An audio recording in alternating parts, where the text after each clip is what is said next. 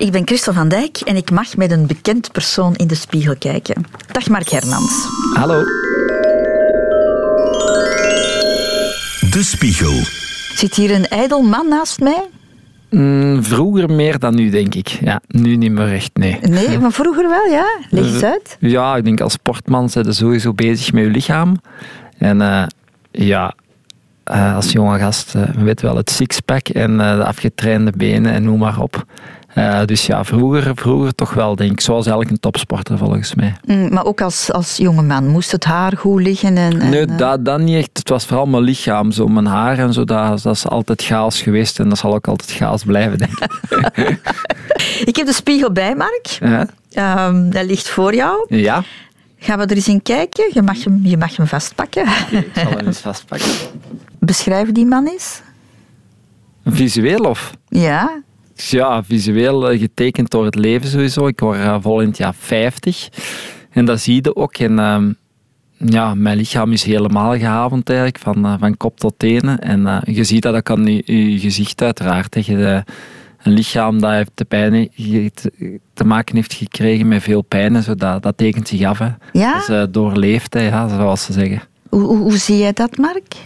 Ja, ik weet niet. Als je pijn hebt bijvoorbeeld, dan trekt zo van die gezichten zo dat rimpels creëren. En je ziet bij heel veel mensen die oud zijn, um, ja, heel veel rimpels en zo. Ik denk dat dat ook getekend is door het leven dikwijls. Ik um, denk dat dat toch een gevolg is van emoties, zowel lachen als pijn. En dat tekent je gezicht. En hoe meer dat je pijn hebt gehad, hoe meer je lachen.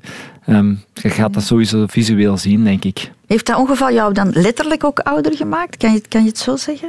Dat denk ik wel. Op veel vlakken krijg je dan ineens um, een aantal jaren bijgepresenteerd, denk ik. Omdat uh, ja, op, opeens komt van een onbezorgd leven naar een leven ja, waar dan niks nog evident is. Dat, dat tekent u en dat maakt u ja, op alle vlakken meer matuur, maar ook ouder uiteraard dan. Hè. Mm -hmm. Je hebt het nu al even aangehaald, dat, dat ongeval in 2002 was dat, een fietstraining hè, voor, voor op Lanzarote. Uh, je bent gevallen, waardoor dat je um, verlamd geraakt bent. Ja, als atleet, als sportman ken je je lichaam natuurlijk door en door, denk ik toch. Hè? Mm -hmm. Wist jij meteen, toen je daar op de grond lag, van dit is hier behoorlijk fout? Ja, dat uiteraard wel, want ik kan alleen mijn hoofd bewegen en mijn armen wat. Dat is, ja, dat is al heel, een heel raar gevoel dat je eigenlijk aan niemand niet kunt uitleggen. Tenzij mensen die hetzelfde hebben meegemaakt. Maar dan komt ook even een tijd van ontkenning van kijk, ja, dat is waarschijnlijk maar tijdelijk, want ik ben een topatleet en ik ga de Ironman van Hawaii winnen, dus ik ga niet in een rolstoel zitten. Maar ja, meer en meer krijg je dan te maken met mensen uit de medische sector die zeggen van ja, kijk, het is een complete dwarslezing, wat wil zeggen, het zal nooit meer herstellen. En dan wordt het tijd om het, uh, ja, het, het, verleden af te sluiten, het heden te omarmen en te geloven in de toekomst en nieuwe doelen te stellen. En die waren dan uh, ja, in rolstoelen. Ja, hoeveel tijd is daar over gegaan naar die acceptatie? Ja, tot op de dag van vandaag heb ik dat altijd niet geaccepteerd eigenlijk, omdat ik accepteer geen uh, dingen die, ja, die, die niet nodig waren eigenlijk. Onterechte dingen, zal ik maar zeggen. En uh, ik vond dat ongeval volledig onterecht, want ik vond niet dat ik dat verdiende, dus ik zal dat nooit accepteren. Maar ik ga er wel zo goed mogelijk mee om, om er ondanks alles nog uit te halen wat erin zit. Maar dat is natuurlijk een stap-voor-stap verhaal. Hè. Uh, de eerste keer dat ik het uh, zoontje van mijn, uh, van mijn zuster zag, was dat een heel belangrijk moment, omdat ik dan wist van kijk, ik moet blij zijn dat ik nog leef, want ik zie dat manneke nog. En dan stap voor stap zie je ook mensen in de revalidatie die alleen hun hoofd nog kunnen bewegen. En moeten zeggen van oké, okay, ja, ik mag blij zijn dat ik mijn arm nog kan bewegen, want ik ben vanaf mijn borst verlamd, dus ik heb het geluk van de armen nog. Mm. En meer en meer begin je te kijken van kijk, wat heb ik allemaal nog? En je begint niet te focussen op de dingen die je niet meer hebt. En dan ja, komt het tik-tak verhaal van ja, oké, okay, dat heb ik nog. Wat kan er nog? En wat wil ik nog? En dan uh, mm. ga je zo naar nieuwe doelen en sluiten beetje bij beetje het verleden af. Zijn er momenten dat je kwaad bent of, of, of, of dat je het niet accepteert? Dat is, dat is lang verleden tijd. Zo de eerste weken heb je zo wel van die momenten dat je echt in, ja, in die situatie belandt. Maar we zijn nu twintig jaar later. Is dat, hè? En ja. ik denk daar gewoon nooit niet meer over na. Dat is al ja. Alleen als ze jou erover aanspreken. Ja, zoals ik nu zoals, alweer. Hè? Ja. zoals ja. nu, maar anders ben ik daar eigenlijk totaal niet mee bezig. Ja. Weet je nog de eerste keer dat je in de spiegel keek? Na dat ongeval? Herinner je je dat nog? Goh, spreken we over twintig jaar geleden. Dat is toch wel heel lang geleden. Ehm, maar ook dat is een stap voor stap verhaal. Want in het begin zijn er nog juist dezelfde persoon visueel. Ook die spieratrofie en zo is er nog geen sprake van. Dus ook die spieren in je benen, je sixpack en zo, dat is er allemaal nog. Maar dat gaat verschrikkelijk snel. Dat gaat als sneeuw over de zon verdwijnt. En ehm, het duurt jaren om het allemaal op te bouwen, maar op een fractie van een seconde is het weg, bij wijze van spreken. Is dat echt? gaat dat, gaat dat zo snel? Ja, als je bijvoorbeeld je been breekt en je zit in de plaaster, ja, een paar weken, je doet dat even en er is al Ja, spiermassa verdwenen, dus dat gaat echt snel. En ja, dat is ook, eh, dat is ook iets heel moeilijk. Hè. Als je ja, in die periode, periode zei de ijdel, zei tussen de 20 en de 30, zei een topatleet en alles was pik en span, zal ik maar zeggen. En plots is het een puinhoop en ja, dan eh, is in de spiegel kijken niet het meest leuke beeld, moet ik zeggen. Heb je dat vermeden ook in het begin? Ja, ja, ik was sowieso wel niemand die graag in de spiegel keek. Hè. Dat wel niet, maar ja, nadien zeker niet. En Zeker niet mijn benen of wat dan ook. Ja, liever niet dan wel dat ik ze zag. Dus. Ja, want dat waren vroeger waarschijnlijk Ja, dat die, waren eh, van die eh, gespierde, gespierde knoerten van dijen. bruine benen en noem maar op. En dan gingen ineens naar eh, van die witte, hele smalle benen zonder iets of wat spiermassa. Dus dat is, eh, ja, dat is, dat is zwart met wit vergelijken. hè. Ja. Went dat? Ja, ik heb geleerd in het leven dat, eh, dat wat je van buiten ziet, dat dat een verpakking is en dat dat bij iedereen verandert. Als we nu in de spiegel kijken ten opzichte van 30 jaar geleden, iedereen ziet iemand anders. Maar zolang dat je dezelfde persoon binnenin blijft, is er niks aan de hand. Dan, eh, de verpakking verandert bij iedereen. hè. Je moest dan waarschijnlijk ook, denk ik toch, eh, wennen aan de beelden van jezelf in die, in die rolstoel. Ja, dat, is niet, eh, dat was niet het plan. Hè. Dus eh, dat is bij veel mensen zo, denk ik. vooral ja, in het begin, begin jaar, ik zal maar zeggen dat je dan op alle vlakken zo helemaal de kluts kwijt bent, zowel fysiek als mentaal, zo zal ik maar zeggen. En ehm, dat, eh, dat zien en dat weten van, ja, dat is tot het eind van mijn dagen, dat is ja, van een jongen van eh, 27 is dat hard. Hè. Mhm. Ja. Je bent heel snel aan die revalidatie eh, begonnen. Hè? En je had eigenlijk heel veel doelen gesteld. Onder andere het doel van opnieuw te kunnen lopen. Dat doel heb je nu ondertussen wel achterwege gelaten. Hè? Ja, ik loop terug, vind ik. Toen met mijn dochter eh, geboren werd, ehm ja, was een super mooi moment. Maar na elf maanden liep mijn oudste dochter rond. En mijn bloed stroomt door aderen en haar zien lopen maakt mij duizend keer meer gelukkig dan ik zelf terug zou lopen. Dus voor mezelf loop ik dankzij mijn oudste dochter eigenlijk. Sinds eh, ja, negen jaar loop ik terug. Hè. En ik stap Oh. elke dag met old school braces uit huis. Mijn zijkels tussen mijn benen, zoals ieder ander gezond kind. En dat maakt voor mezelf dat ik terugloop. En ja, Ja, je staat wel rechtop. Ja, Je elke staat- dag. Ja, sowieso. Ik revalideer vijf uur per dag. En er zit sowieso minstens twee uur eh, recht staan in elke dag. En dat huis stappen met oldschool braces om ja, bloedcirculatie te verbeteren, om ehm, atrofie te voorkomen van je spieren, om doordrukwonden te voorkomen. Dus ja, in een rolstoel zitten is één ding, maar er komt zoveel bij kijken dat je moet proberen al die extra problemen te vermijden. Ja. Je bent wel streng geweest voor jezelf. Hè? Ehm, ja, streng. Ik, ik wist gewoon van ja, als ik het leven verder wil zetten, ja, dan moet ik ook niet te veel klagen en zagen, want dat is een keuze. En dan moet ik gewoon proberen alles uit te halen wat erin zit. Ehm, omdat een tweede kans is een voorrecht. Hè. Iedereen krijgt die tweede kans en ja, ik heb ze gekregen, dus die niet aanvaarden, dat is heel ondankbaar ten opzichte van die mensen die het, die, die niet zouden krijgen, die niet hebben gehad, zal ik maar zeggen. Kan je zeggen dat je... Je was 27, 28, hè, eind 20 toen het ongeval gebeurde. Je bent er nu bijna 50. Kan je zeggen dat je nu misschien op een andere manier met je lichaam omgaat dan in die beginperiode? Iets milder? Goh, eh, eh, zo verlamd geraken, dat is zo terug wakker worden in een nieuw lichaam. En het is gewoon een onwaarschijnlijke zoektocht. Van waar is nu dit nieuwe lichaam goed mee, waar is het slecht mee? En dat gaat gepaard met infecties en noem maar op. En na ja, meer dan twintig jaar weten met wat dat je goed bent, er komt een routine. En je lichaam heeft zich volledig aangepast. En ehm, ik denk voor mensen met een dwarslesie dat routine echt super belangrijk is. Ja. Dus ik ben misschien te hard geweest in het begin.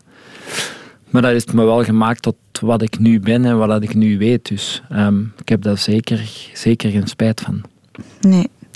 Als we nog eens in de spiegel kijken, Mark. ehm, welke karaktereigenschappen Nog eens kijken. zie hè. jij, zie jij terug? Ehm, karaktereigenschappen vooral, denk ik, dankbaar voor het leven. Vrolijk, denk ik, in heel veel gevallen, eh, dankzij die tweede kans. Ehm, en vooral ja, het doorzetten om er proberen uit te halen wat erin zit, denk ik. Maar ook nu ook wel meer en meer zo ehm, genietend van de echt kleine dingen. En de, eh, ja, de karaktertrekken van eh, mijn ma, denk ik. Zo blij zijn met de kleine dingen in het leven. Terwijl het vroeger was het allerhoogste ambiëren en nastreven ten koste van alles. Ja, ja, Nu meer eh, ja, dankbaar eh, met de handbike, het bos met de hond en genieten van eh, de bomen. En niet meer op je hartslaghorloge, niet meer op wattagemeters of wat dan ook. Gewoon eens zijn met natuur en dier en eh, de rest allemaal achterwege latend. ja, dat is een, een groot verschil met jouw vroegere ambitie om de allerbeste Ja. te zijn. Hè? Ja, dat is een groot verschil. En ja, dat, dat schept wel een, een rust. En ik ben er ook blij voor eigenlijk. Ja. Zie je dan ook de mildere versie van jezelf in de spiegel? Ja, die heb ik altijd wel gehad. Ik was extreem hard van mezelf. Maar eh, ik had altijd een heel klein hartje ten opzichte van anderen. En dat is eigenlijk nooit, nooit niet veranderd. Alleen ben ik nu wel wat mil- milder voor mezelf. Ja, ja. hard voor jezelf, eh, zeg je. Op een bepaalde periode was het toch ook wel heel erg. Hè? Want ik, eh, ik heb gelezen dat je op een bepaald moment zo hard aan het trainen was ehm, dat je nog maar 61 kilo woog. Ik heb het dan voor 2002. hè? Ja, voor mijn ongeval ben ik extreem bezig geweest. En helemaal fout. Ik zou het iedereen afraden. Ehm, maar ja, ook dat maakt u weer tot wie dat je wordt. Hè. Eh, ik zeg altijd, een, eh, het levenspad is bezaaid met fouten. En als je daarvan leert, is er ook niks mis mee. En ja, ik heb er ook van geleerd van, kijk, ja, als je een atleet bent, moet je goed eten. Je moet goed slapen en eh, je moet goed zorgen voor je lichaam. En dat deed jij niet echt. Nee, ik, ik, ik peigerde me helemaal af tijdens trainingen, maar ook daarbuiten eigenlijk. Ehm, ja, ik, ik at veel te weinig, ook helemaal niet juist. En ja, ik meide alles wat er me voor zou kunnen zorgen dat ik een gram vet had, maar op plaats zette gewoon ja, bij wijze van spreken ondervoed. En je moet wel topprestaties leveren en dat ging gepaard met bloedarmoede en instortingen en opnames in ziekenhuizen en noem maar op. Terwijl als je je als topatleet echt op en top moet verzorgen en juist keigoed moet eten en echt heel Mm. veel moet slapen en je buiten de trainingen echt moet verzorgen als een pater bij wijze van spreken. En eigenlijk allemaal alleen maar liggen, eten en slapen. En ik deed juist tegenovergestelde. Ook buiten de training ging ik nog extra bijwerken en ik, ging, ja, ik zat nooit niet stil en ik had ook bijna niet. En ja, dat is fout. hè. Ja, dat is toch een ongezonde relatie met, met, met voeding. Ja, ja, absoluut. Maar ik zeg het, van die fouten leert je gelukkig. hè. Ja, 61 kilo en je bent meer dan een meter 80. Ja, meter 85 was ik, dus dat is echt heel Veel te weinig. Hè? Ze noemden mij bij de paracommando's, en dat spreek ik al, toen was ik maar 19 jaar, noemden ze mij eh, eh, spieren en pezen met een condoom over. dus ja, om maar te zeggen ja, dat ik er niet echt goed uitzag. Nee. Zag je dat zelf? Ja, maar ik vond dat helemaal niet erg, want ik dacht op die moment uiteraard dat ik goed bezig was, want anders zou ik het niet doen. En ja, met de paras hebben we toch met een heel bende begonnen. We zijn dan met 24 of zo overgeschoten. En die keer was er als jongste van een hoop met mijn, eh, met mijn 60 kilo toch maar mooi bij. En ik werd zelfs genomineerd voor Gouden Dolk, wat we toch de beste in de opleiding. Dus op zich, ondanks al die dingen die ik mezelf aandeed, ja, kwam ik er zelfs daar als, ja, als een van de beste uit. Dus Ja. op zich was dat ja, nog wel mooi. ja, dat was mooi. Maar ik denk niet dat jij er toen mooi uitzag. Nee, maar dat, ook het, dat, was ook het, eh, dat was ook het minste van mijn zorgen eigenlijk, om eerlijk te zijn op die moment. Ja? Zo, zoals je dat nu beschrijft, is het zo, ja, denk ik aan iemand die anorexia heeft. Die, ja, die dat zat ook. er dichtbij, denk ik. Ja, ja, dat zat er dichtbij. Ja, klopt. Ah, je bent er bijna 50. Hm? Dat is een mooi nieuw rond getal. Zo, Ja. Dat is echt de helft, hè? Ja. ongeveer. Ja, hè? dat zeg ik Hey, wel. misschien wel over de Ik ga helft. erover zitten, ja, dat weet ik zeker. Dat weet ik zeker. Ja? Wa- Ja, ja. wa- waarom? Ja, als je nu alles opsomt, wat we hier nu zelfs de laatste kwartier, twintig minuten hebben gezegd, ja, het is niet dat ik altijd rustig in eerste versnelling door het leven ben gebold. Hè. Dat was altijd in zesde en dat probeerde zelfs nog in zevende, dat bestond niet, maar ik probeerde het wel. Dus vroeg of laat krijg je de rekening toch gepresenteerd. En ja, je lichaam, dat is eigenlijk je, kostbaarste goed. En ik ben er absoluut niet zuinig mee omgesprongen, in tegendeel.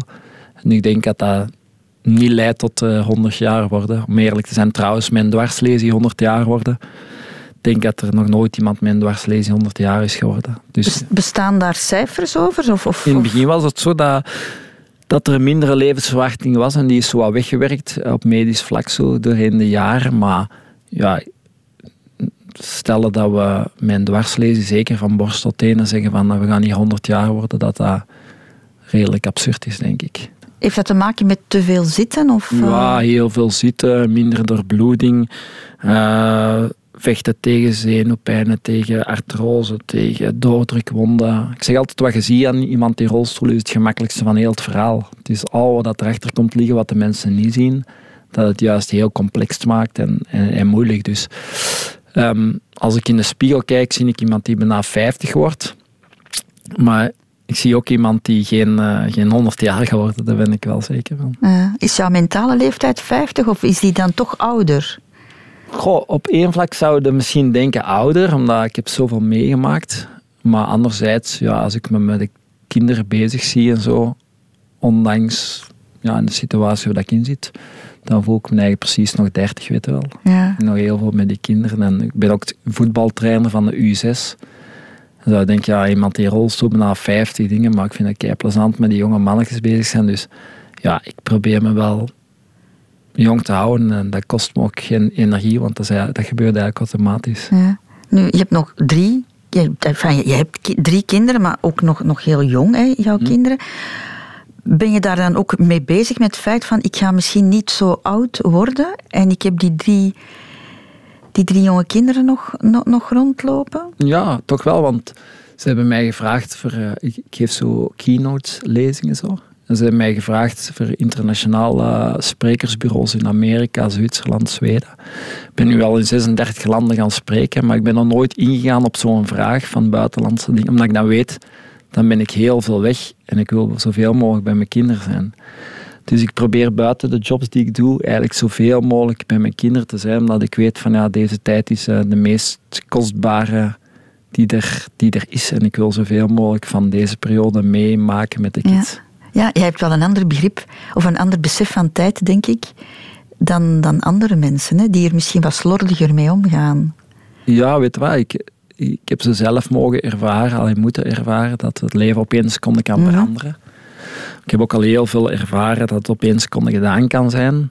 En ja, dan kun jij wel meedoen in een rat race en veel is niet genoeg. Uh, maar ik weet één ding zeker, als we allemaal ons leven mogen beleven zoals het hoort, dat we liggen op ons sterfbed en ze komen nu vragen welke twee dingen gaat missen uit je leven, dan is het familie en vrienden. En um, ja, zeker je kinderen dan. En uh, de oudere mensen nog kleinkinderen. Dus ik probeer dat echt uh, ten volle van te genieten, omdat dat is hetgene dat we bij het afscheid gaan missen. En niet onze auto, niet ons huis, niet ons weet ik veel welke luxe die er niet toe doen, maar wel de essentie. En dat vergeten we collectief allemaal uit het hoofd. En ik probeer dat niet te doen. En niet onze carrière, hè? Nee. nee. Daar zijn we ook snel in vergeten als dat afgelopen ja, is. Het is ja. Dat. ja, absoluut. Dat is allemaal maar bijzaak. Je hebt het, uh, het woord familie uh, hm? nu uitgesproken, Mark. Je hebt ook al gezegd dat je, dat je bepaalde dingen van je moeder hebt, wat, wat karakter betreft. Maar op wie lijk je in de spiegel? Ja, visueel sowieso op mijn pa. Ja? Ja, ja, ja dat is uh, absoluut. Ja. ja. Wat? Wat heb je van je vader? Ja, gewoon. Uh, ik denk uh, dat, dat, dat er geen DNA-test voor nodig was. Dus visueel trekken wij gewoon keihard op elkaar, mijn vader en ik. Ja, ja. ja. en dus, heb je dan het karakter van de moeder? Ja, denk het wel. Ja wegcijferen en proberen goed te doen voor anderen. Uh, kinderen zijn het belangrijkste, ik denk het wel, ja. ja. Mm -hmm. En herken je jezelf in je kinderen? Mm, ja, in de oudste sowieso al wel, want dat is ook zo een die je echt goed wil doen voor anderen, niet tegen onrecht kan. Uh, de middelste op het vlak van uh, nonchalant met school en zo, het doet er allemaal niet toe. en de kleinste een speelvol. Dus die combinatie van die drie, ja, dat maakt, dat maakt het wel, ja, dat, dat ik het ben. Ja, je hebt je DNA mooi verspreid Denk het over, wel, ja. over, over dus de drie. Met drie bezig zie je wel, ja. ja. ja. klopt. Vind jij jezelf een mooie man, Mark? Nee, dat kan dat niet zeggen. Al ja, mooi van binnen wel, vind ik. Maar van buiten, ja. Als je nu uh, als ik ergens kom en ik zie al die afgeborstelde dingen, dan zullen ja, de vrouwen die wel mooier vinden, maar dat doet er ook van mij niet. Daar ben ik totaal niet mee bezig. Mm, probeer mooi te zijn van binnen, want zoals ik al zei, die verpakking verandert toch. En de mensen die denken van, ehm, ja, dat dat het belangrijkste is, die gaan binnen 30 jaar wel uh, een gefrustreerde tijd tegemoet. Want ja, we veranderen allemaal, dat is niet het belangrijkste. Ja, maar als je terugkijkt naar die jongen van 20, hmm? was je toen mooi of vond je jezelf toen mooi?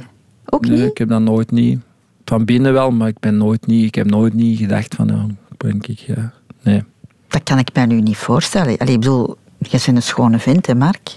Ja, ik vind dat niet. Ik heb dat nooit, nooit, ik heb dat nooit, nooit zo gezien. Dus uh, nee, ja. Vroeger niet, nu niet. Nee. Nee. Maar ik, ik, geef er ook niet om, ik zal het zo zeggen. Ik ga jou toch wel de laatste vraag stellen, de verplichte ah, oei. vraag. Laatste vraag, die, die, die is voor iedereen. Wat vind je het mooiste aan jezelf als je in de spiegel kijkt? En dan bedoel ik het louter visueel nu. Visueel. Hmm. Goh. Dat is heel moeilijk, want ik zou niet weten wat eigenlijk. Um, mijn oren dan? Dat heeft nog nooit iemand gezegd. Voilà. Er moet altijd iemand ten eerste zijn om zoiets te zeggen. En die zitten onder mijn haar, dus je kunt toch niet zeggen het is waar. Dus, dus ik onthoud het. Mark Hermans heeft uh, mooie, oren. oren. Ja. Dankjewel, Mark. Graag gedaan. De Spiegel.